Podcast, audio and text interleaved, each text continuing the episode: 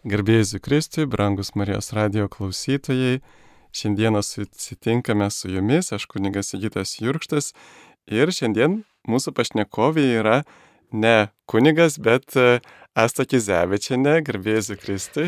Per amžius amen. Jūs esate buvusi tikybos mokytoja, katechetė, dėstytoja Vytauto didžiojo universitete, tai jums irgi gerai pažįstama bažnyčios e, virtuvė ir teologija. Tai pirmą klausimą, kaip visada turiu aš, tai koksgi tas jaunimas mūsų laikais? Visą laiką sakome, kad mūsų laikais taip nebuvo.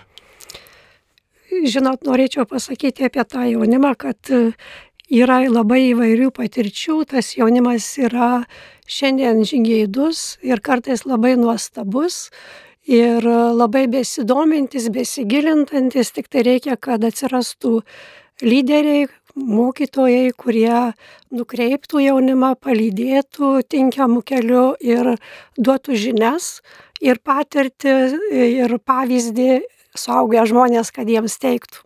Aš manau taip. Taip. O kokia yra situacija su tikybos mokymu mūsų dienomis? Gal irgi galėtumėt ką nors pasakyti, jūs esate susidūrus ir su kitais tikybos mokytojais, ir su mokyklomis? Žinot, teko garbė truputėlį pažiūrėti, patirti, pabendrauti ir visą laiką dar ir iki šios dienos bendraujam su tikybos mokytojais. Ir šiandieninis mokytojas yra iš tiesų e, pastatytas prieš daugelį faktų gyvenime, kurie tikrai e, meta didelius iššūkius. Ir su tais iššūkiais e, reikia mokytojui susidoroti, juos, kaip sakyti, plėsti savo akiratį, bandyti įgyti daug žinių, e, psichologinių, pedagoginių e, ir tikybos dalyko žinių, kad galėtų e, būti tuo pavyzdžiu, kad galėtų būti tuo palydėtoju jaunimo. Ir šiandien jaunimas tikrai renkasi tikybos pamokas, tikėdamiesi, vildamiesi, sulaukti ne tik žinių, bet ir e, tos, to dėmesio, tos meilės, kurios galbūt nepatiria šeimose, kurios nepatiria aplinkoje, tos tiesos sakymo, nes tiesos išgirsti e, šiandien labai sudėtinga ir kad jaunimas galėtų kritiškai mąstyti, atsirinkti, kas tiesa, kas yra melas, šičia tikybos mokytojų irgi labai didelis iššūkis. Taip, ir ką jūs paragintumėte galbūt ir tuos, kurie čia klausosi, pavyzdžiui, tikybos mokytojus, ką paragintumėte, ką mes galėtume daryti kitaip per tikybos pamokas? Aš šiandien norėčiau pasakyti tai, kad mes turėtumėm labai kaip tikybos mokytojai suprasti, kad mes ne save atstovaujam, o atstovaujam Jėzų, atstovaujam bažnyčią. Ir turbūt šiandien pagrindinis dalykas, kad mes galėtume suvokę tai, tiesiog pradėti parodyti jaunam žmogui, kad būtent malda, santykis su Jėzumi yra tas pagrindinis kelelis, kuris nuveda jaunimą prie tiesos. E, ir todėl tiesiog norėčiau, kad e, e, galbūt mokytojai abejoja tuo, kad jeigu, sakykime, tai yra akademinė valanda duota mokykloje, kad tik tai perteikti žinias. Šiandien mes turim kaip tikybos mokytojai išmokyti jaunimą atkurti santyki per maldą, per įvairias maldos formas surasti tą santykį su Jėzumi. Taip, ir aš irgi esu susidūręs, kai ir katechetai, jie tiesiog bijo išgazdinti vaikus arba jaunimą maldą ir vengia maldos, bet tik iš tikrųjų yra tokių maldos formų, kurios yra visą laiką jaunimui primtinos, pavyzdžiui, giesmė.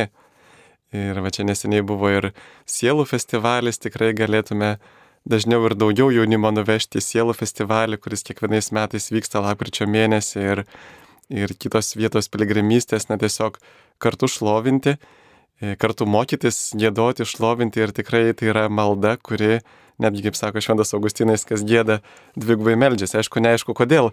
Ar todėl, kad e, reikia per repeticijas dar dvigubai, ar iš, nu, iš tiesų, aišku, turbūt maldas su giesme yra tai, kas gali atgyvinti sunkių maldos laiku. Turim ištikimos vienos klausytojos net tris klausimus. Tai ar tiesa, kad šventas raštas nuo eros pradžios buvo daug kartų keičiamas pagal bažnyčios poreikį ir ar mūsų žemė buvo plokščia? Va taip. Ačiū už klausimą, bet aš tikrai manau, kad e, šventas raštas tikrai nėra keičiamas.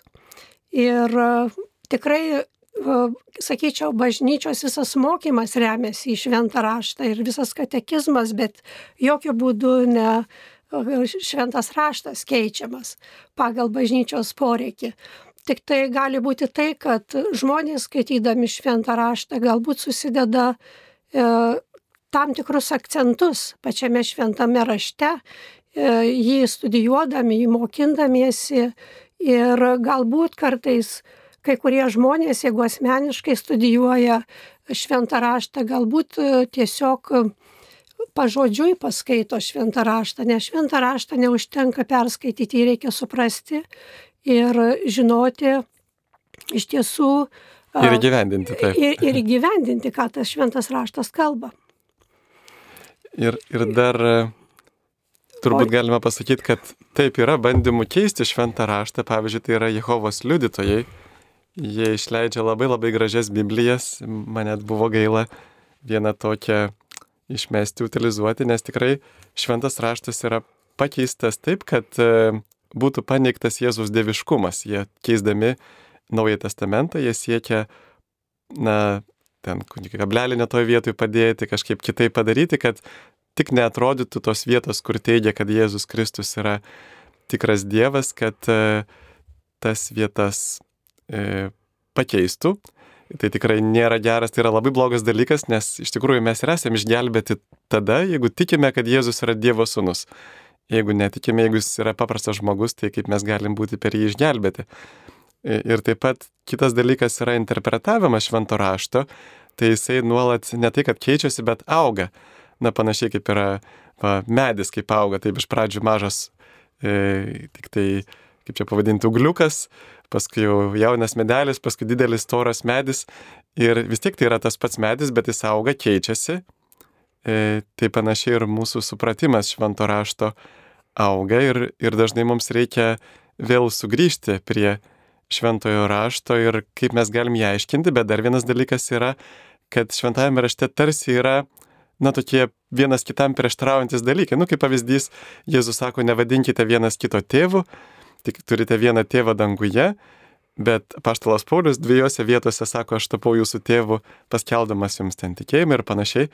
Tai va kaip šitą suprasti ir turbūt tie prieštaravimai, jie sukuria tokią įtampą, padedančią atrasti tiesos, nenuklysti vieną kraštutinumą, kad taip, viena vertus mes turime nesigirti, kad štai aš esu dabar jūsų tėvas, bet kita vertus egzistuoja tam tikra dvasinė tėvystė, į kurią esame pakviesti kaip kunigai evangelizuotai, turime dar skambutį.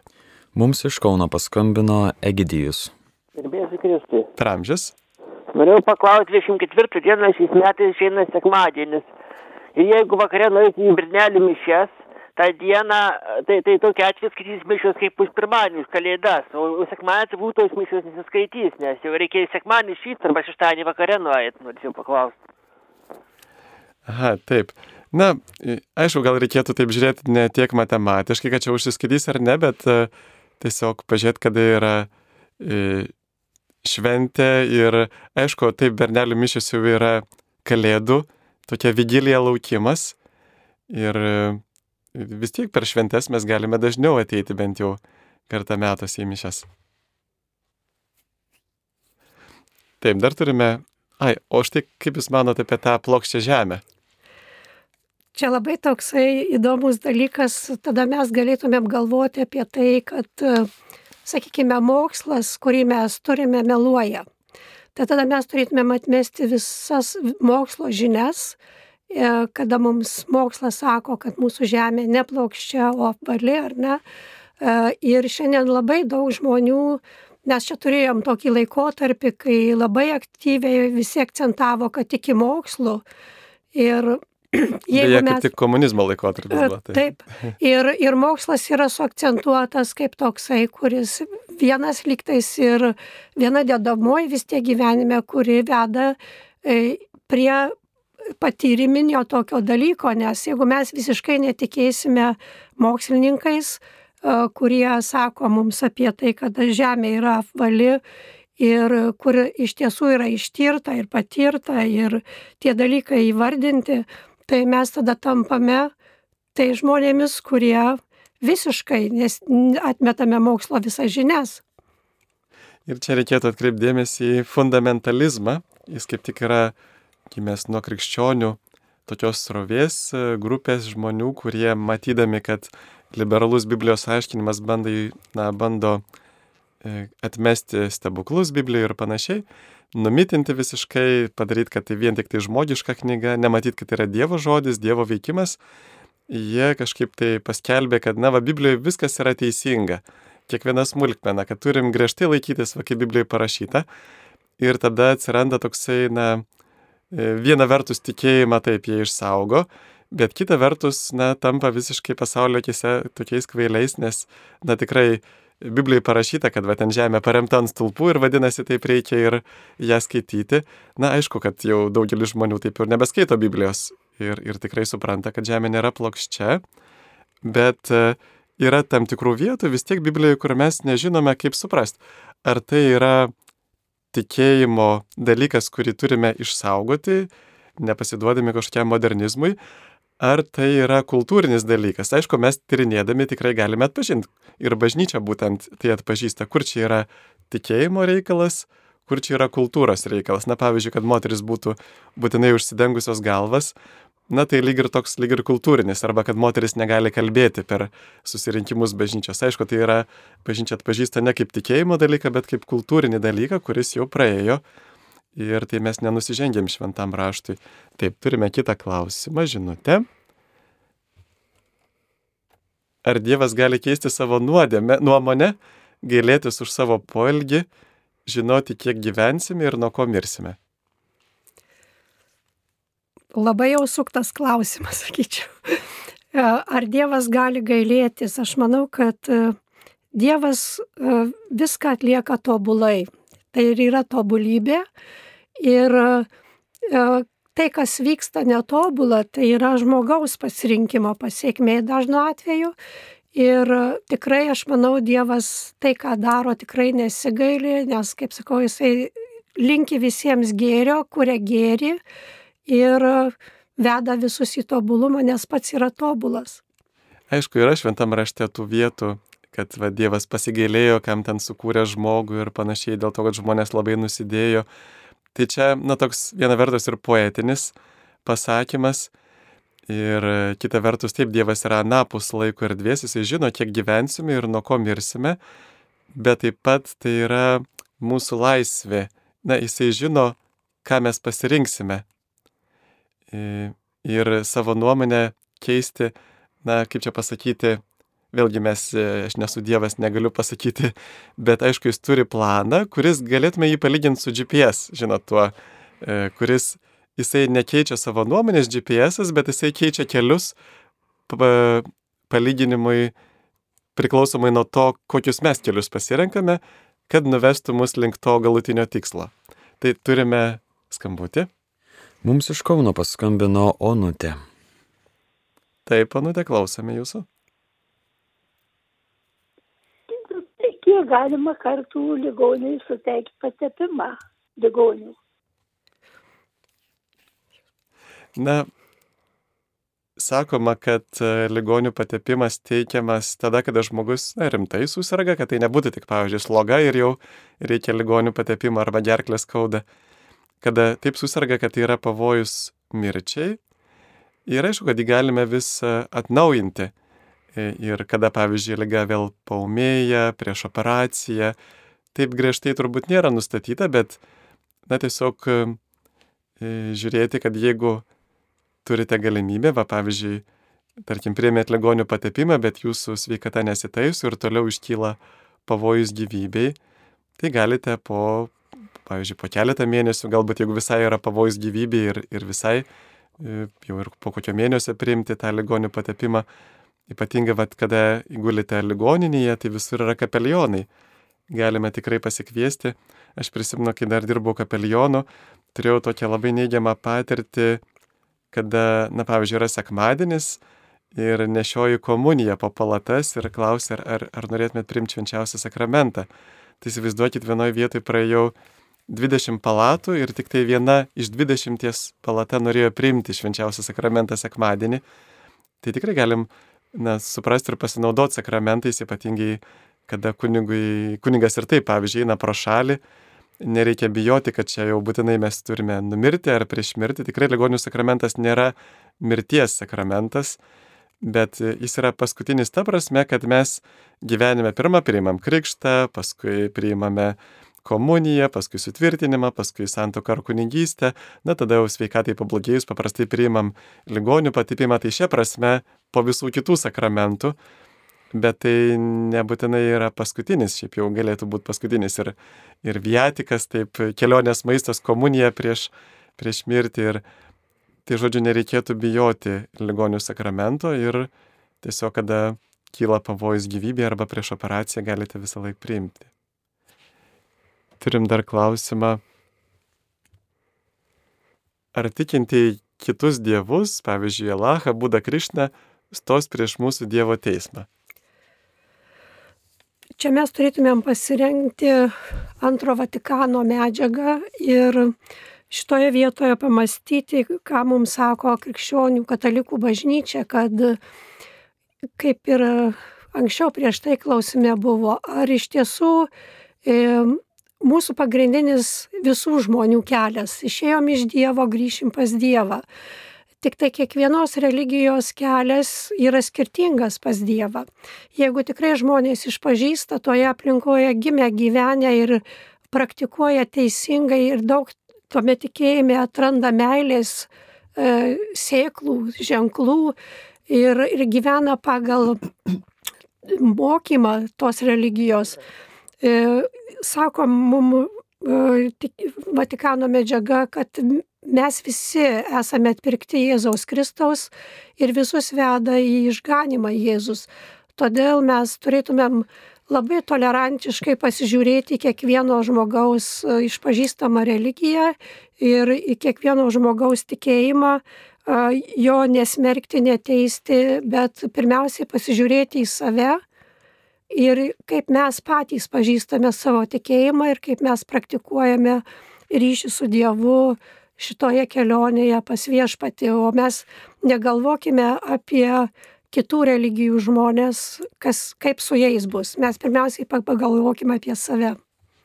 Taip, nes kiekvienas turime stoti prieš Dievo teismą ir kam daug duoti iš to bus daug pareikalauta, tikrai mes visi turim skirtingą pažinimą, skirtingus Dievo ženklus, bet ir va čia irgi svarbu tą įtampą išlaikyti, kad viena vertus gerbti kito laisvą valią, nes tu negali priversti mylėti kito žmogaus, kaip ir negali priversti e, mylėti Jėzaus Kristaus, bet kartu ir liudyti Jėzų Kristų, tai visų pirma darbais, kad mūsų gyvenimas tikrai būtų toks, kaip Jėzus mokė. Taip, mylėti savo priešus, būti gilestingiems, tyra širdžiams, romiems, vargdienėms dvasioje, teikdariams, siekiantiems e, teisumą ir taip toliau. Ir jeigu mūsų gyvenimas netikrai nebus drungnas, iš tikrųjų, jeigu mes sieksime šventumo, tai kitam žmogui gali kilti klausimas, o iš kur tu turi tą ramybę, iš kur tas džiaugsmas tavie, iš kur ta meilė ir tada galėtume paliudyti, kad štai iš Jėzaus Kristus, nes jo vardu gavau šventąją dvasę. Tai, tai čia turbūt irgi, e, na, mūsų, e, kad mes galėtume paliudyti kitiems krikščionybę, mes iš tikrųjų turime siekti šventumo. Nes jeigu tik šiaip būsime geri žmonės, tai labai man patinka tasai pasakymas, kad jeigu tėvai, jeigu kunigas, tai yra čia apie kunigus, bet tinka ir tėvams, jeigu kunigas bus šventas, tai parapiečiai pamaldus, jei kunigas pamaldus, parapiečiai bus dori, jei kunigas bus doras, parapiečiai bus bedieviai. Tai čia labai tinka ir mums, kad jeigu mes tik tai būsime dori žmonės, bet nesieksime šventumo, tai mums ko gero nepavyks paliudyti Kristaus. Turime kitą klausimą. jaunas žmogus nuėjo į kitą konfesiją, tėvai išgyvena, skaito šventą raštą, ar ilgai truks tos blaškimasis tikėjime?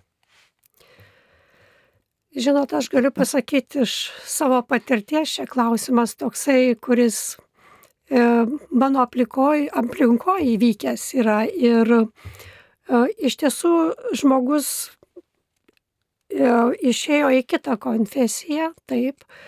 Ir labai svarbu, kad e, visi artimieji iš tiesų melstusi, palydėtų ir nesmerktų ir bendrautų su to žmogumi Ir visiškai nesvarbu, kad kitoje konfesijoje žmogus, bet jeigu jis yra krikščionis ir toliau praktikuoja, mes galime, kaip ir anksčiau kalbėjom, kad savo pavyzdžių, savo maldą, savo gerais darbais e, tiesiog gyventi ir tas žmogus galbūt sugrįž prie sakramentinio gyvenimo, nes krikščionys irgi kitose konfesijose ir skaito šventą raštą ir praktikuoja maldą, tik tai galbūt neturi to e, tikro sakramentinio gyvenimo, kurį mes kaip katalikai turim.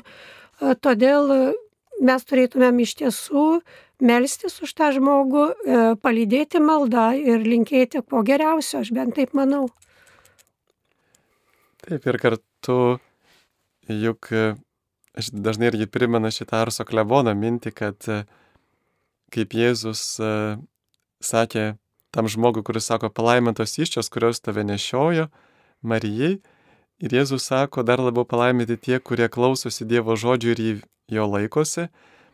Ir kai Arso klebonas komentavo, šventasis Arso klebonas komentavo šitas eilutes, jisai sakė, kad labiau palaimintas yra tas žmogus, kuris vykdo Dievo žodį, gyvena Dievo žodžiu negu tas, kuris tik tai priima komuniją ir Dievo žodžiu nesistengia gyventi, jo skaityti, studijuoti ir įgyvendinti. Tai va labai daug katalikų mes matome, kad būtent priima komuniją patį Jėzų, bet e, nesistengia gyventi Dievo žodžiu.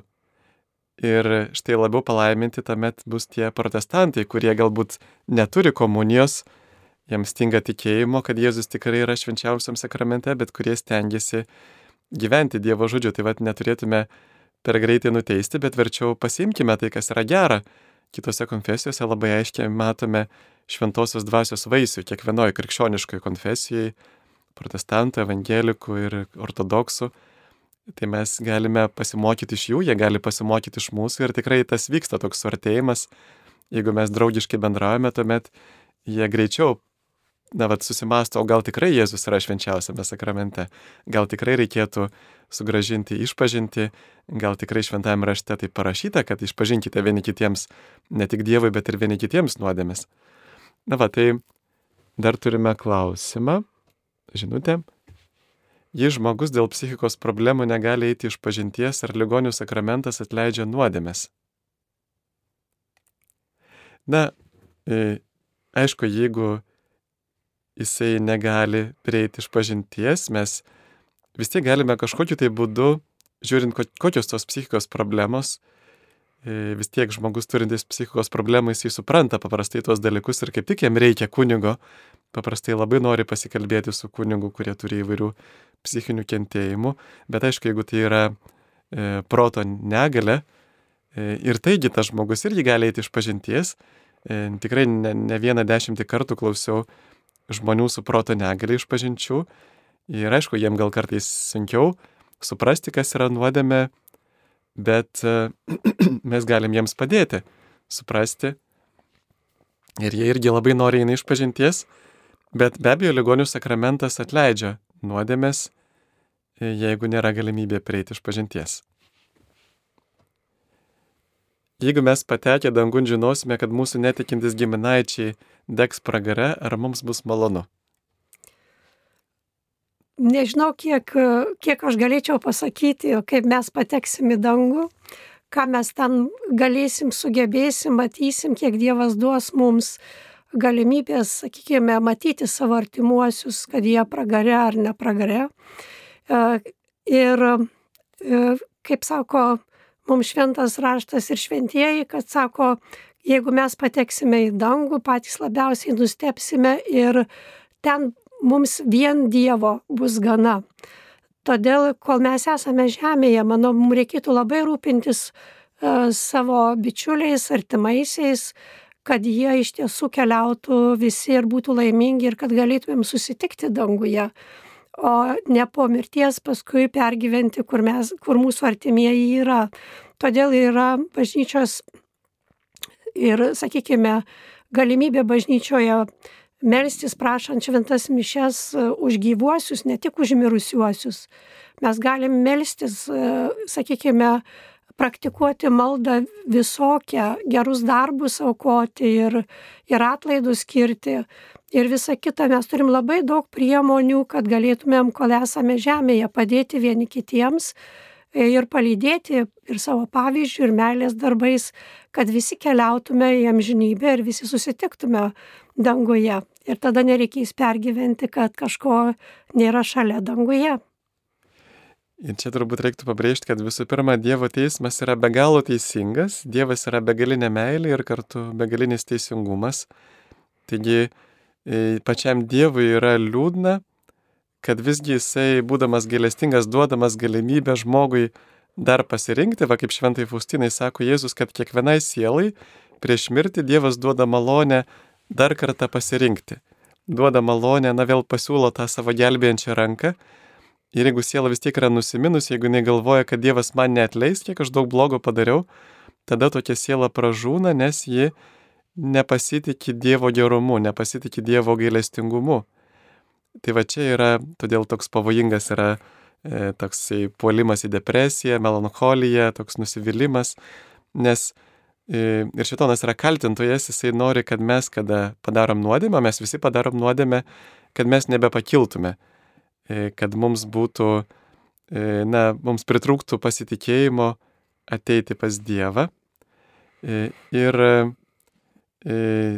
Dievas, na, mes galime prisiminti situacijas, kada Pavyzdžiui, ir, ir šiandien taip mes dėl vienų dalykų labai liūdime, dėl tų žmonių, kurie žūsta gazos ruožė, dėl tų, kurie žūsta Ukrainoje, mums yra labai skaudu ir liūdna, bet mes dėl kitų dalykų džiaugiamės, taip džiaugiamės savo artimaisiais, giminaičiais, kad gyvenam taikoje, kad turime kuo apsirengti, ką valgyti.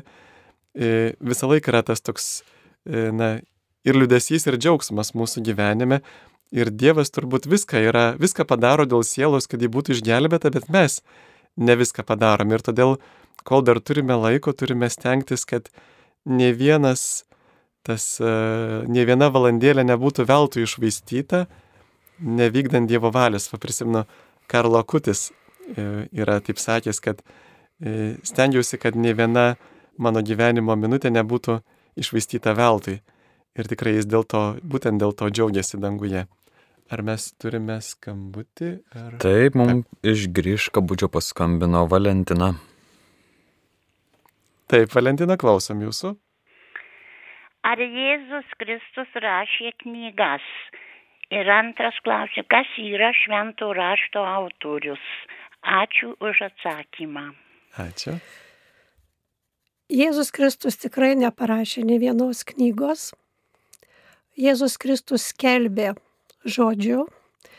O švento rašto autoriai, mes sakykime, jeigu imtume Senąjį testamentą, mes turime vienus autorius, Naujojo testamento mes turime e, kitus autorius ir mes žinome, kad yra keturios evangelijos, tai yra evangelistai užrašę, tai yra e, Jėzaus Kristaus mokiniai užrašę, kurie konkrečiai girdėjo, matė, kalbėjo, sekė Jėzumi.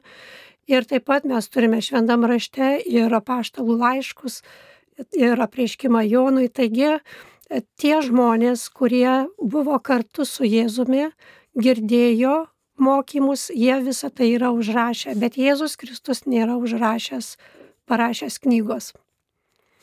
Taip, turim kitą klausimą. Jo, ir sakoma, kad e, autorius yra ir Dievas, ir žmogus, kad raš... E, šventoji dvasia yra šventojo rašto autorius pilnai, bet kartu ir pilnai žmonės, o panašiai kaip Jėzus yra pilnai visiškai Dievas ir visiškai žmogus.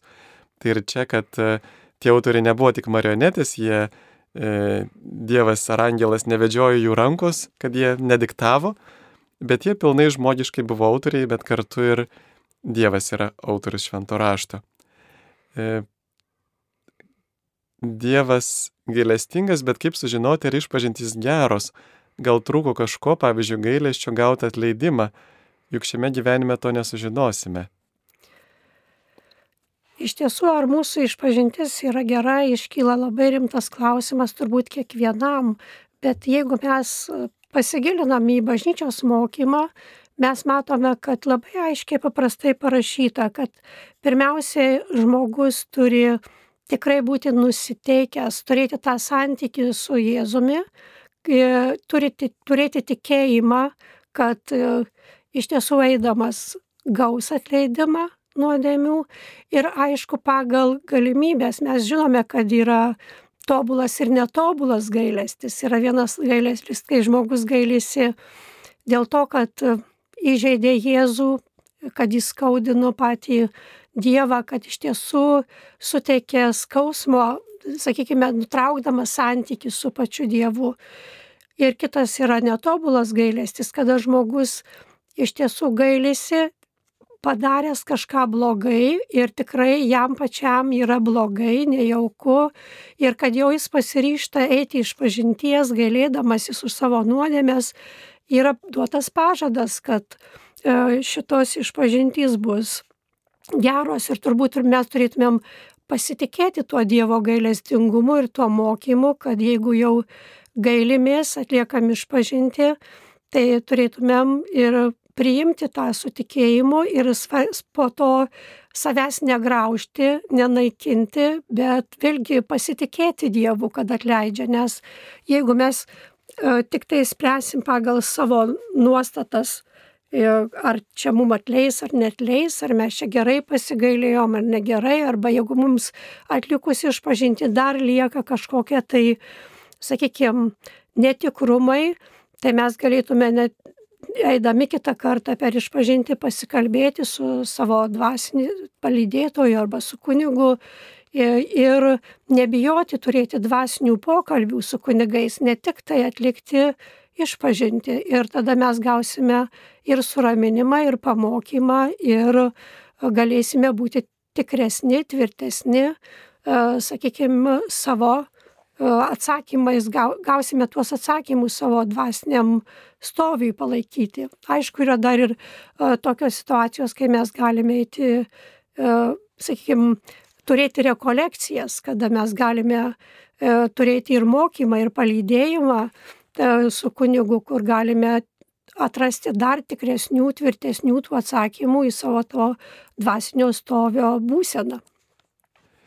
Taip ir turime prisiminti, kad sakramentas veikia, yra toks latiniškas o posakis ex opere operato, tai reiškia iš atlikto veiksmo, nepriklausomai nuo to, kas atlieka ten, koks tas žmogus yra, kokios jo ten vidinės nuostatos, įkarštis maldos ir panašiai, tiesiog iš atlikto veiksmo dėl Dievo pažado.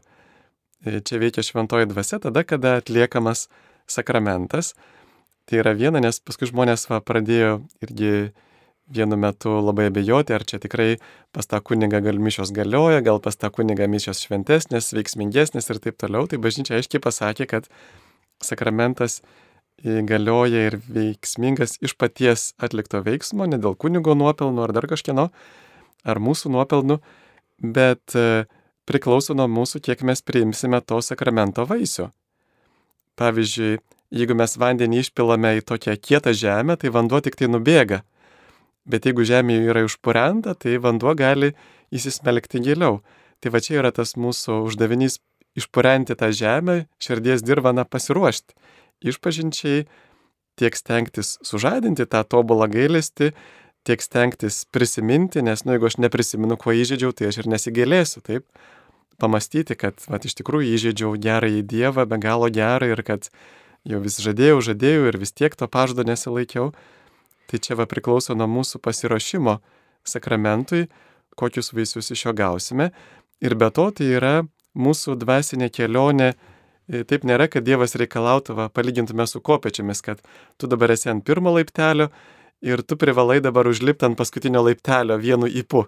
Tai vis tiek yra kopiečių laipteliai ir tu po truputį gali jais lipti. Tai ir Dievas nereikalauja, kad mes iš karto dabar taptume tobuli, bet kad siektume tobulumo. Turime kitą klausimą. Iš kur mes žmonės žinome, kad Dievas to ar to nori, arba žino, kada mirsime?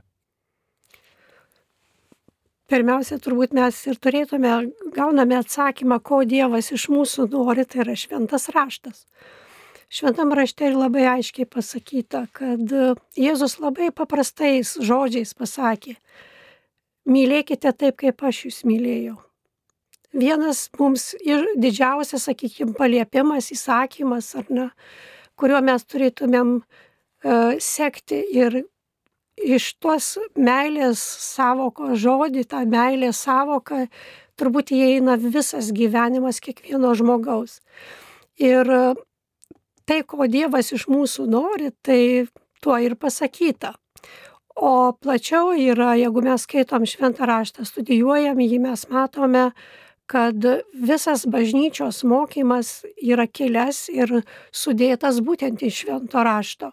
Ir tai, ką bažnyčia mums sako, ką mes turime daryti, ko nedaryti ir kaip turime gyventi, tai yra ne tik tai parašyta, bet tai rodo ir dviejų tūkstančių metų suvirš žmonių gyvenimo patirtys ir mūsų visi šventieji, visi žmonės, kurie šioje žemėje gyveno, būtent taip, kaip sakė Jėzus, tai yra mums ir visiems, mums kaip krikščionims pavyzdys, kokiu keliu ir turime eiti ir ką mes turime daryti, kaip gyventi. Taigi, atsakant į pirmą klausimo dalį, aš galvoju, E, kad e, pagrindinis tas įvykdymas ir įsakymas tai mums yra sekimas Jėzumi. O dėl Dievo, e, kada mes mirsime, ar ne, ten buvo klausimas. Dievas tikrai žino, mums yra skirtas laikas šioje žemėje, tik tai žmogus yra ne tik tai E, kad gali, sakykime, Dievas nus, mums nuskyrė laiką, kiek mes gyvensime, bet e, manau, žmogus turėdamas laisvą valią gali ir tą gyvenimo savo kelią sutrumpinti ir kartais mes matome, kad žmonės tai padaro. E, visiškai ne pagal Dievo valią išeina iš šio pasaulio ir tai yra turbūt baisiausia, kai žmogus susitrumpina savo gyvenimą ne pagal Dievo planą. Taip ir apie Dievo valią čia labai labai svarbus klausimas. Labai svarbu, kad mes to klausime, nes kartais mums net nekyla mintis galvoti, ko dabar Dievas nori, svarbu, ko aš noriu. Taip. Ir tai ir yra šventumo siekimas galvoti, ko Dievas nori. Ir Jėzus pasakė, kas yra svarbiausia - mylėti Dievą ir artimą. Ką tai reiškia? Na visų pirma, reiškia, kad meilė nedaro nieko piktą artimui. Ir reiškia, jeigu aš myliu Dievą ir artimą, tuomet aš susilaikysiu nuo blogio. Antras dalykas, ką tai reiškia, kad meilė nėra ribų. Panašiai man patinka tas palyginimas, kad kaip visatoje yra absoliutus nulis, ten minus 273 ar kiek ten tų laipsnių, bet nėra absoliutaus pliuso. Na, karštis gali būti vos nebegalinis. Ir iš tiesų nėra ribų, kiek mes galėtume mylėti, niekad ne, nesak, negalime sakyti, kad aš jau dabar pakankamai myliu, Ir dar kitas dalykas, nes jo, be abejo, Dievas yra beribis, jis yra begalinė meilė. Antras dalykas, kad meilėje yra laisvė iniciatyvai. Va kaip anksčiau komunistiniais laikais sakydavo, kad iniciatyva nakazuojama, tai reiškia iniciatyva baudžiama. E, tu turi vykdyti tik tai, ką tau palėpė, bet meilėje kaip tik yra priešingai, yra gili laisvė. E, meilė kaip tik skatina iniciatyvos laisvę aš galiu labai kūrybingai sugalvoti, kaip aš galiu mylėti artimą. Ir čia man nereikia, kad apsireikštų angelas ir man dabar duotų raštelį, kurios punktus įvykdyti. Taip pat, e, na taip, tai žodžiu, kad meilė mums duoda e, tokią didžiulę laisvę daryti gerą. Dabar dar turime. A, ir dar vienas dalykas, kad ta meilė nėra iš mūsų, bet ji yra iš Dievo. Ir mes tik tai tada įvykdysim Dievo valią, kada rūpinsimės būti vienybėje su juo, va, per visus tuos kelius, kaip ir jūs minėjote, ir Dievo žodis, ir, ir sakramentai, ir malda, ir na, įvairūs būdai, kaip mes galime vienyti su Dievu, kuris yra meilė. Kitas klausimas, kaip elgtis prieš mirtį ligonių, jeigu ateina paskutinio patepimo toksai kunigas, kuris yra tam žmogui daug blogo padaręs ir kaip išpažinti tokiam kunigui nuodėmės, jei ligonis žino, kad tasai kunigas apšauks ir dar nenormaliu išvadins. Žinot, aš manau, kad e, žmogui, jeigu jisai jau ruošiasi iškeliauti į amžinybę, mes turime labai aiškiai suprasti, kad čia irgi yra galbūt Dievo malonė, e, kad toks kunigus ateina kad atleisti, neteisti, priimti ir e, mes iš Dievo gauname sakramentus iš Jėzaus. Ir visiškai nepriklausomai nuo to, ar kunigas geras ar blogas, o galbūt ir tas apšaukimas tai yra dovana Dievo, kad mes galėtumėm, e, sakykime, visiškai nuoširdžiai atleisti viską, kas vyko šioje žemėje.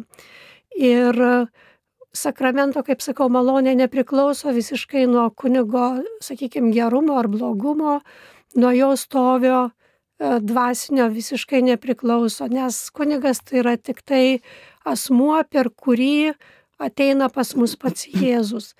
Ir todėl e, priimti iš tokio kunigo sakramentą, tai aš manau didžiausia dovana, kas gali nutikti ligoniui prieš iškeliaujant į amžinybę.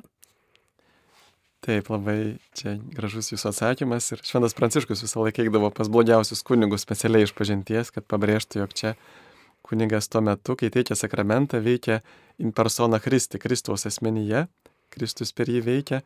Ir va laiškė romiečiams parašyta, kad e, net mokėkite, niekam net mokėkite piktų iš piktą, rūpinkitės tuo, kas gera visų žmonių akise. Kiek galima ir kiek nuo jūsų priklauso, gyvenkite taikoje su visais žmonėmis, nekeršykite patys, mylimieji, bet palikite tai Dievo rūstybei, juk parašyta, mano kerštas aš atmokėsiu. Verčiau jei tavo priešininkas alksta, pavalgydink jį, jei trokšta, pagirdik jį, taip darydamas tu krausi žarijas ant jo galvos. Nesiduok pikto nugalimas, bet nugalėk piktą gerumu. Tai reiškia, kad va, jeigu ateina piktas klebonas, tai pavaišinkit kokią klebonišką dešrą ir kartu va, krausim žarijas ant galvos, kad žmogus tada pradės gailėtis, ką mums bloga darė, jeigu mes jam darom gerą. Kitas klausimas. Ar nepagoda, pavyzdžiui, e, ilgesys, tingumas, drungnumas rodo piktosios dvasios veikimą, kokie nuo to vaistai? Iš tiesų, nepagodoj mes labai dažnai atsidūrėme vien dėl to, kad trūksta mums va, to santykio su Jėzumi ir e, meilės, tos tikrosios meilės. Mes labai dažnai susikoncentruojam į save ir visai nematome kartais šalia esančių. Aš šitoje vietoje sakau, žmogus turėtų labai greitai įsijungti į bendruomenės gyvenimą ir bandyti matyti kitus žmonės. Pirmiausiai matyti savo artimuosius, savo šalia esančius žmonės, kurie, kuriems reikia galbūt paguodos, o ne mums patiems reikia paguodos ir būdami, būdami sakykime, matydami šalia kitų žmonės, savanoriaudami, išeidami, padėti kitiems, matyti kitus, praeis mūsų visos šitos nepaguodos ir patapsime džiaugsmingi, linksmi, išeisime iš visų, sakykime, šitų depresinių nuotaikų visų, nes iš tiesų gali būti puikybės labai rimta nuodėmė, kada mes patenkame į tas nepaguodas. Taip, ir dar reikėtų žvelgti mūsų žmogišką prigimtį, nes malonė remiasi prigimtimi. Labai dažnai miestuose mes gyvename, mažuose kambarėliuose mes mažai judame ir judėjimo stoka sukuria va, visą tą blogą savijautą, tai paprasčiausias vaistas būtų nueiti į sporto klubą arba kažkokiu būdu, va, pažinau vieną senelį, kur jau daug metų jam ir jis sako, kasdien padarau po 40 pritupimų. Va, tai ir kitas dalykas, tai kartu ir bendrystė su kitais ir e, kartais būna žmonės vat, e, labai įkyrus, kai ieško, kad su jais kažkas bendrautų, jam rodytų dėmesį, bet nueikit jūs bendrauti su tais, kuriems trūksta kažko, pavyzdžiui, savanoriauti kažkur, tai, na, kažkur, kur jūs galėtumėt, net, pavyzdžiui, patys galite tapti sidabrinės linijos savanoriais ir, kaip sako Šventas Pranciškus, kas duoda, gauna. Bet vat sportas tikrai yra labai svarbu. Jeigu mes nejudame, tai nesitikėkime, kad turėsime gerą savijautą. Taip mums paskambino. Mums iš Ratnečios parapijos paskambino Janė. Taip, Janė klausė. Garbė, garbė Jėzų Kristų. Turiu tokią, turiu tokią problemą. Viso turiu tris vaikus. Pats vyriausias, nu aišku, jisai daugiausiai dirbo, daugiausiai jam teko, bet jam teko ir didžiausia dalis. Ir žinokit, iki santaukos dar nueidavo į bažnyčią, nueidavo iš pažinties, dar turėjo šiek tiek žmoniškumo buvo. Bet kada jisai apsivedė, žinokit, nuo tos dienos atsirado neapykanta, marčios ypač neapykanta. Ir žinokit, nu kaip jum čia pasakyti, vis kaip sakyt, kuo tolyn, tuo gilyn. Aš jau jam užleidau ir visus dokumentus sutvarkiau, tėvų namus ir netgi yra užstatyta sodyba, šitą, nu, kreditą ėmėsi, ten remontą darė, užstatyta sodyba ir užstatyta ant tiek metų, kad jie savo gyvena trali valio, o sveikata jų nelabai. Aš bijau, kad jie man nepadarytų, nu, taip, kad man reikėtų dar išmokėti iš pensijos. Tai čia ir, čia ir runda dar čia dar tas. Bet pastoviai mane vadina K ant viso kiemo, labai, žinokit, gražiai skamba tas žodis, jūs jį gerai pažįstat, jau nesakiau, nesakysiu toliau ir visai. Ir dabar man priekaištauja, kad aš nedirbau, aš tinginiavau visą gyvenimą. O, tu stažo neturi, sakau, ne tavo reikalas. Aš prižiūrėjau keturis, tris ligonius, jų yra palaidoti, jau ketvirtas yra vyras mano šiuo momentu. Ir žinokit, tokią nuoskaudą jaučiu. Negana to, dar už vakar, kurią čia dieną, gaidelį užmušė paskutinį, vištos liko, nu žinokit, kokia yra skriauda. Tai ruošiausi varyti pasigaliotinį, o jo laimiai. Taip, ačiū, ačiū, supratom jūs, taip. Čia jūsų vardas Janė buvo. Taip, tai mes tikrai galim paprašyti gal ir klausytojų, kad pasimelstų tikrai labai skaudu, kai Jeigu vaikai tokiais žodžiais vadina, tai žinome ketvirtą Dievo įsakymą, kad gerb savo tėvą ir motiną, kad tau, e, kad laimingai gyventum, ilgai ir laimingai gyventum žemėje, kad tau sektųsi. Tai tikrai, kas keikia tėvą ir motiną, na, Dievas tikrai pažada bausmę. Ir e, viena vertus, tai yra toksai, na, didžiulis išbandymas, didelis kryžius. Ir kita vertus, na, ką mes galim daryti toj situacijai, tai aišku, yra elgtis gudriai, išmintingai, va, pasitart su kitais, ypatingai dar prieš tuos namų užstatymus. Ir, na, tikrai reikėtų čia turbūt patarimo kokio nors artimo mylinčio žmogaus, kaip, kaip išmintingai pasielgti. Man tada iškyla klausimas, o kur kiti vaikai? Ir kodėl pirmiausia visam, vienam vaikui viskas, o kitiem ne. Dabar vėlgi čia jeigu žiūrint tą ekonominę pusę, ar ne, bet e, šiandien daug jaunų žmonių, kurdami šeimas, visai neatsižvelgia į religinę pusę. Visą laiką dažniausiai dedame akcentą į ką baigęs, koks įsilavinimas, sakykime, ar kokį atlyginimą gauna, ar kokio turto turi ar neturi, bet vertybinio pagrindo e, labai dažnai žmonės nežiūri. Ir, ai, galvoja, patiko, pamilo, apsivedė. Ir va čia prasideda labai rimtos problemos, kada žmonės nežiūri į vertybinius dalykus ir turėjau galimybę ne vienus metus ruošti sužadėtinių santokos sakramentui. Ir mačiau e, labai vat, e, tos tokius niuansus, kada žmonės pradėjo lankyti kursus santokos sakramentui, e, pastebi, atkreipia dėmesį, kad visai net ten buvo dėti akcentai visai, kada buvo draugystė, bendrystė.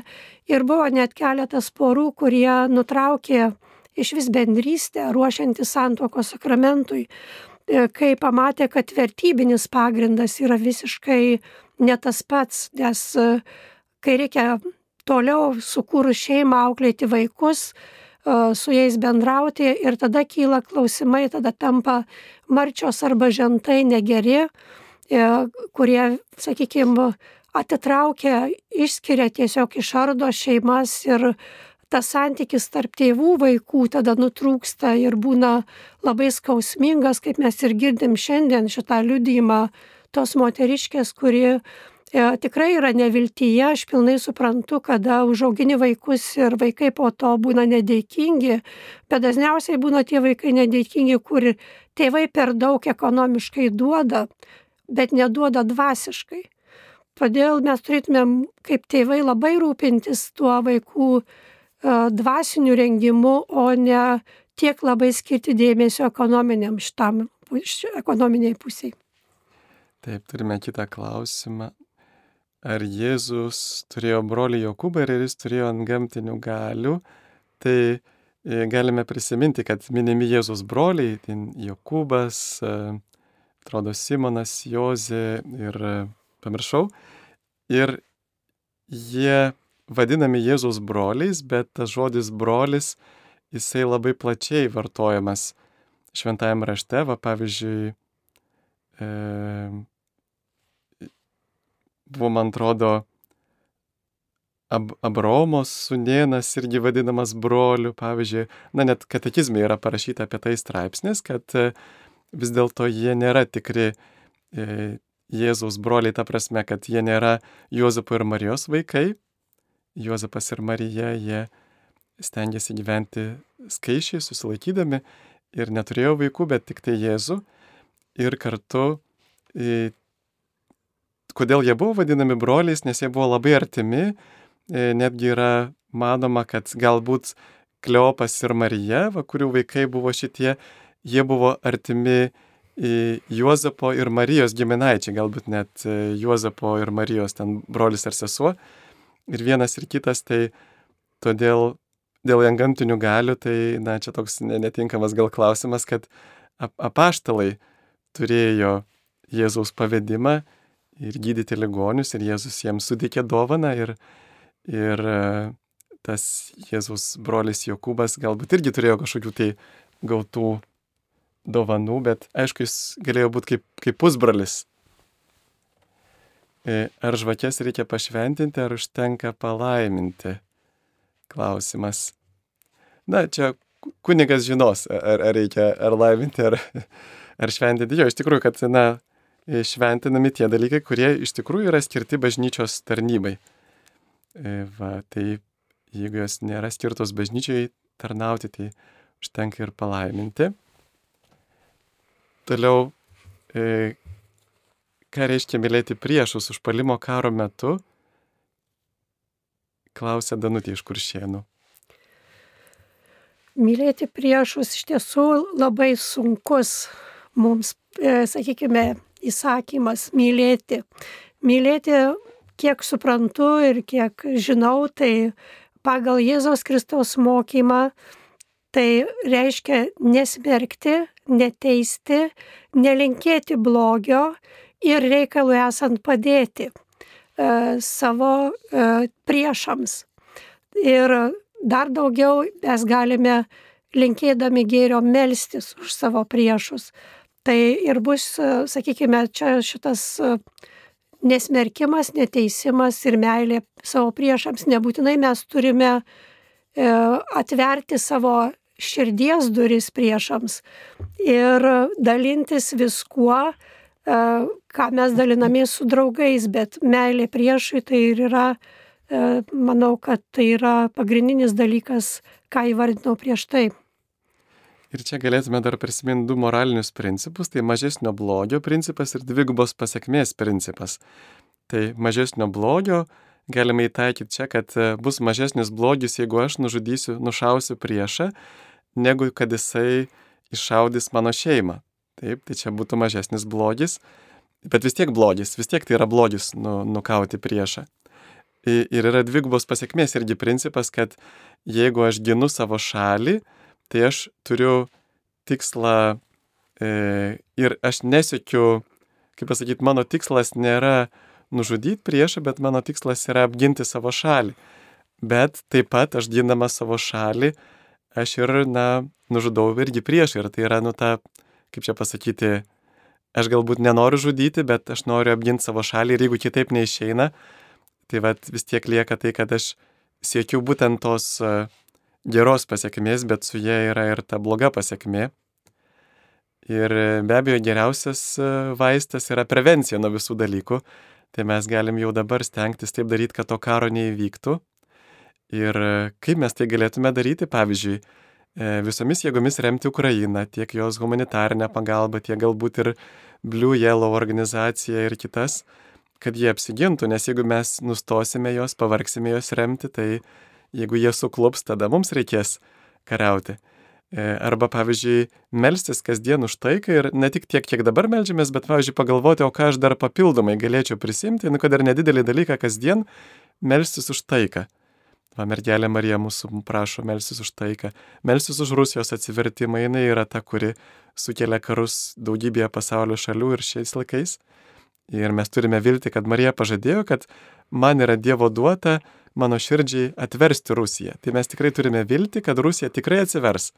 Tik priklausys nuo to, kaip puolį melžiamės, pasninkaujame, kartu ir ugdytis galbūt mūsų tą patriotiškumą, kad mes negalėtume ginti savo tėvynę. Tai va, yra daug dalykų, kuriuos galime padaryti, ypatingai malda ir pasnikų galime sustabdyti netgi karus, kaip mergelė Marija pažadėjo. Jūs esate užauginusi dar tris vaikus, kuriuos globojate, taip, ne savo vaikus. Gal galite apie tai va truputį papasakoti, na, ar buvo baisu pradėti globoti vaikus, juk niekad nežinai, koks tas vaikas bus, kokių jūs šunybių iškres namuose.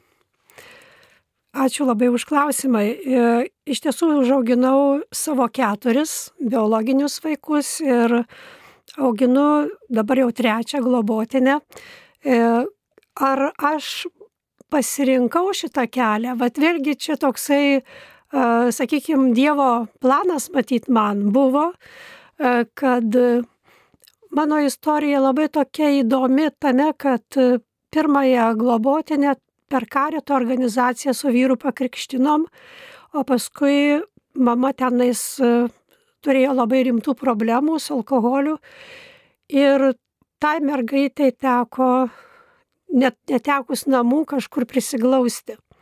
Ir kaip mes, kaip krikšto tėvai, jausdami tą krikščionišką, katalikišką pareigą, e, paėmėme globoti.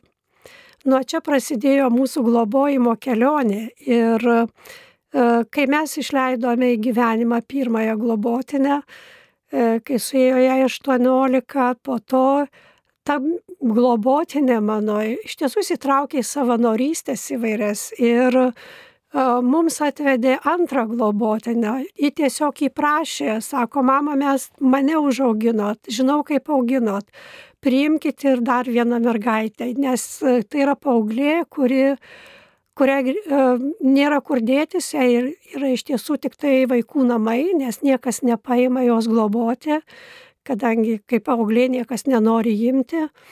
Ir garantavo mums, davė tokią garantiją, kad tikrai nebus didelių problemų, kad labai geras vaikas. Taip mes, nu, paprasčiausiai paėmėm globoti, kadangi prašė jau ta krikšto mūsų dukra užauginta. Ir išleidom ir tą mergaitę į gyvenimą, e, užauginom ir galų gale, e, žinodama vaikų teisų pastogės, kad mūsų, reiškia, tokia patirtis buvo ir ta patirtis visai nebloga.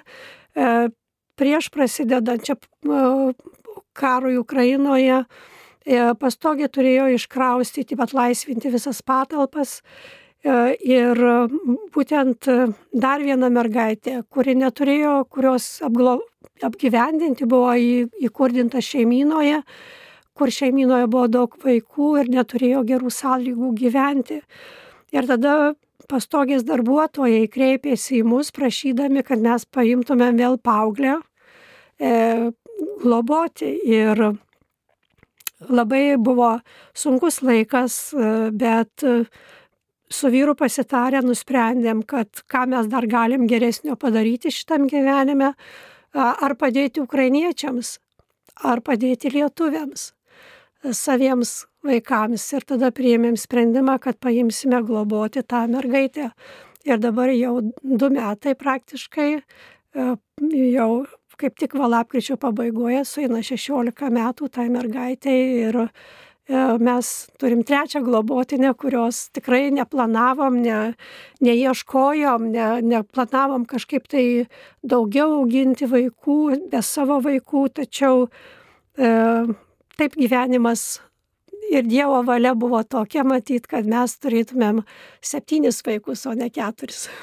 Taip, labai gražu, iš tikrųjų turbūt mes, kai krikščionys kovojame prieš abortus, tai tą vat, būtinai turėtų lydėti ir tas šeimų įsipareigojimas norėti įsivaikinti arba globoti, nes jeigu mes tik sakome, kad nežudykit savo vaikų, bet nepadedam toms moteriams, tai mūsų tos kalbėjimas tikrai būtų tuščias.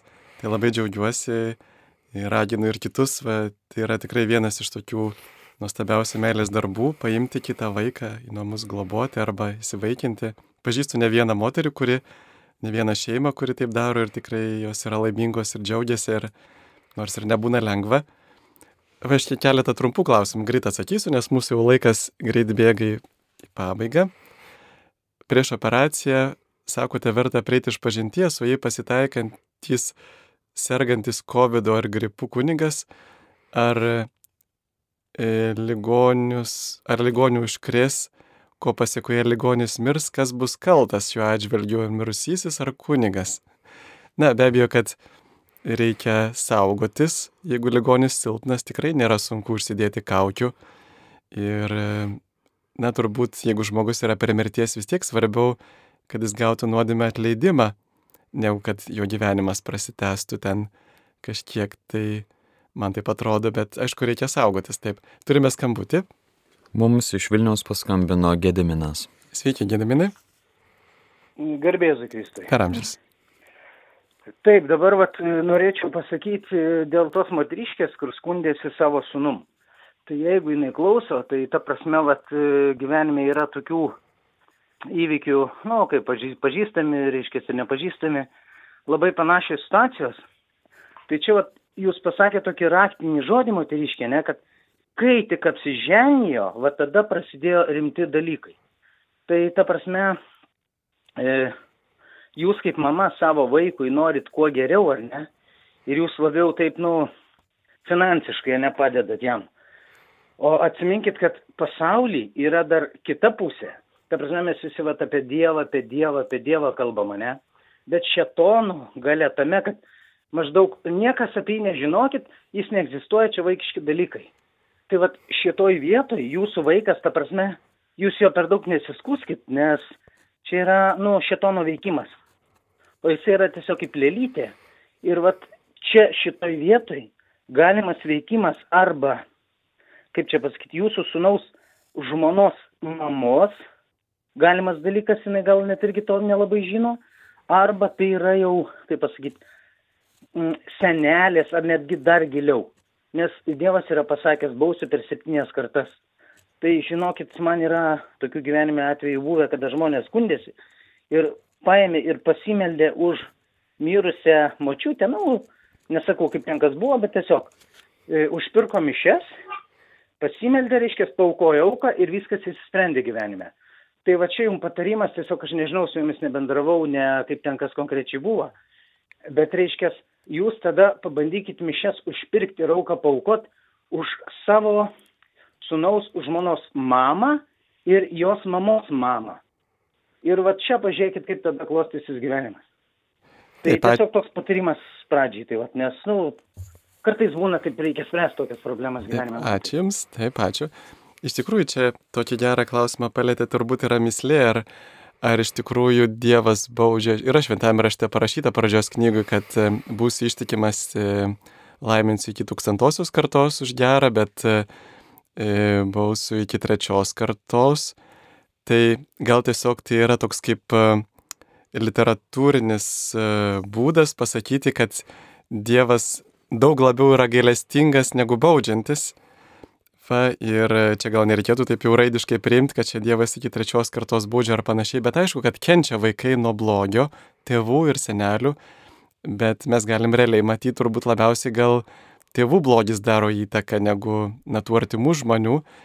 Ir kita vertus, jeigu mes, e, pranašai taip pat irgi sakydavo, kad pamirškite tą patarlę, kad e, tėvai valgė rūkščias vynogės, o vaikams dantis atšipo, kad sako, tikrai kiekvienas turi atsiskaityti tik už savo kaltes, nes žydai pradėjo to piknaudžiauti, va tuo būtent posūkiu minėtų mano, kad pradėjo sakyti, na va, tai čia nais tavo tėvai kalti ir panašiai, ir čia e, tie seneliai, nes e, iš tikrųjų Dievas baudžia tik tai už mūsų pačių klaidas, kaltes, ir vėl baudžia ne tam, kad mus pasmerktų, bet kad nebūtume pasmerkti, kad mus išgelbėtų būtent.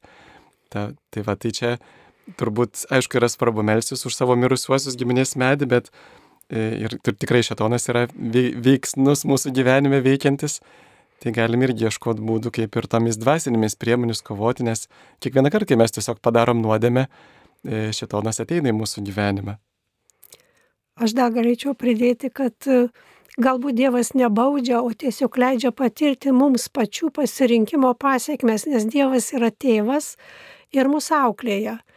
Tai kartais būna labai skaudžios patirtys, kur mūsų pasirinkimai būna, tačiau e, mes jeigu pasidarom iš to išvadas, tada būna labai smagu ir labai gerai, nes tada mus tai augina labai stipriai. O jeigu mes nepasidarom, tai kaip sako liaudės išmintis, galim lipti ant to paties grėblio labai daug kartų ir paskui labai kentėsime. Taip, čia dar turime skambutį, bet tuo dar trumpų klausimų. Tai Ar Biblijos draugijos išleistas šventas raštas tinka skaityti, jeigu jame nėra mūsų viskupo aprobacijos? E, taip, Biblijos draugijos šventas raštas yra ekumeninis, ten dalyvauja ir katalikai, nemažai katalikų, e, autoritetingų, kurie pažįsta šventąjį raštą. Tai būkime drąsūs skaityti ir tik yra du, leid, nu, tokie dvi rūšis e, leidimo. Tai būtent yra ekumeninis leidimas, kuriame yra ir tos vadinamos antrojo kanono knygos ir yra kitas leidimas, kuriame nėra tų antrojo kanono knygų Senajame testamente. E, ten pavyzdžiui, e, Siracido knygos, ten va ir kitos, tai jų ten nėra ir jisai yra toks plonesnis, tai va geriau skaityti būtent ekumeninį leidimą, taip ir mes turime skambutį. Mums iš Rokiškio paskambino Zita. Sveiki, garbėjai su Kristi. Klausom jūsų. Aš tokiu klausimu. Aš kiekvieną sekmadienį melžiuosi su Kauno arkikatedra. Ir kada mišės aukoja arkiviskupas Kestutis Kėlovas, kryžius būna kitoks, nu dvigubas, ar kaip jį pavadinti. Ir kodėl? Aš, ar tai jo gailaičių kryžius, ar tai Lietuvos krikšto kryžius, nesuprantu. O kai, tai, kunigai aukoja arba viskupai būna, viengubas kryžius. Taip, ačiū už klausimą. Na taip, jūs turbūt teisingai pastebėjot, kad tai yra arkivyskupo, arkivyskupo kryžius su papildomu skersiniu. Ir, na, jisai toks vadinamas, pa, pa, galima dar sakyti, patriarchiniu tokiu kryžiumi, arkivyskupo kryžiumi. E, ir e, būtent, kad, kad tai yra ženklas, kad šiandien aukoja mišes arkivyskupas. Ir tos prasmės, tiksliai simbolinės, jums dabar negalėčiau pasakyti, pasidomėsime. Na ir dar turime keletą trumpų klausimėlių. Ar atleidžiama nuodėme nelankant sekmadienį mišių dėl labai mažų kūdikių auginimo? Be abejo, kad nėra nuodėmės, jeigu dėl tokios priežasties negalime eiti mišes, tai nėra nuodėmė, bet galim paprašyti, kad, pavyzdžiui, kas nors komuniją atneštų vėlgi toksai pastebėjimas, klausimas tik tai, ar bažnyčia yra žiemos metu šildoma ar nešildoma. Mes matome labai gražias patirtis, kai atsineša e, mamytės visiškai kūdikėlius į bažnytėlę ir su lopšeliais prie savęs, nešyklėse ir taip toliau. Viskas priklauso nuo to, kiek mes patys norime tose šventosios mišiose sudalyvauti sekmadienį. Ir aš manau, kad e, jeigu yra sąlygos ir aplinkybės, kad bažnyčia yra šildoma, o galbūt reikėtų ir pasirinkti, jeigu mes galim ir turim galimybę atvažiuoti į šildomą bažnyčią. Todėl aš visą laiką sakau, viskas priklauso nuo mūsų pačių troškimo susitikti Jėzų ir tą patį vaikelį, kad jisai nuo pat kūdikystės būtų bažnyčios narys. Taip, ar užtenka išpažin... vien iš pažinties atgailos sakramentui gauti, ar apsivogus nereikia atsilyginti? Na be abejo, kad reikia atsilyginti ir tai yra vienas iš atgailos, viena iš atgailos dalių - atlyginti neužtenka tik tą atgailą sukalbėti, kur kunigas duoda, bet ir atlyginti, kiek yra galimybė, kiek nuo mūsų priklauso, nes taip, toliau kitų klausimų turime gėdint garbės himną mišių metu, ar reikia nulenkti galvą. Na, tokio nesugirdėjęs liturginio reikalavimo. Paprastai galvą nulenkiame, kai tariame Jėzus Kristaus vardą arba per tikėjimo išpažinimą, e, kuris prasidėjo iš šventosios dvasios, gimė iš mergelės Marijos. E, nu, tai yra, atsiprašau, kur tapo žmogumi, būtent toje vietoje, kad Jėzus tapo žmogumi, mes nulenkiam galvą. Ir taip pat e, na, nusilenkėme, kada, pavyzdžiui, kunigas kartu koncelebruoja mišes ir vedantysis kunigas priklaupia, tai nesu girdėjęs apie tai, bet pagrindinė vieta turbūt yra per tikėjimo išpažinimą, kur reikia e, nusilenkti. Toliau, tuo minutėlę. E, transliavote už svartų atlaidus, tai laida sutrumpinta. Taip, galėtų transliuoti be pertraukas. Nu, ačiū, gal ir geras pastebėjimas iš tiesų. Kitas klausimas. Taip, taip, pradiškai jau mes turime pabaigti. Dėkojame už jūsų visus klausimus ir e, atsisveikiname iki kitų kartų. Primenu, kad su jumis buvo Asta Kizevičinė, tikybos mokytoja buvusi, katechetė, universiteto dėstytoja. Labai ačiū Jums gerbiamą Astą, gal girdėsime Jūs ir dažniau ir kitą kartą. O aš su Jumis kuningas Sigitas Jurkštas atsisveikinu. Būkite palaiminti sudė. Sudė.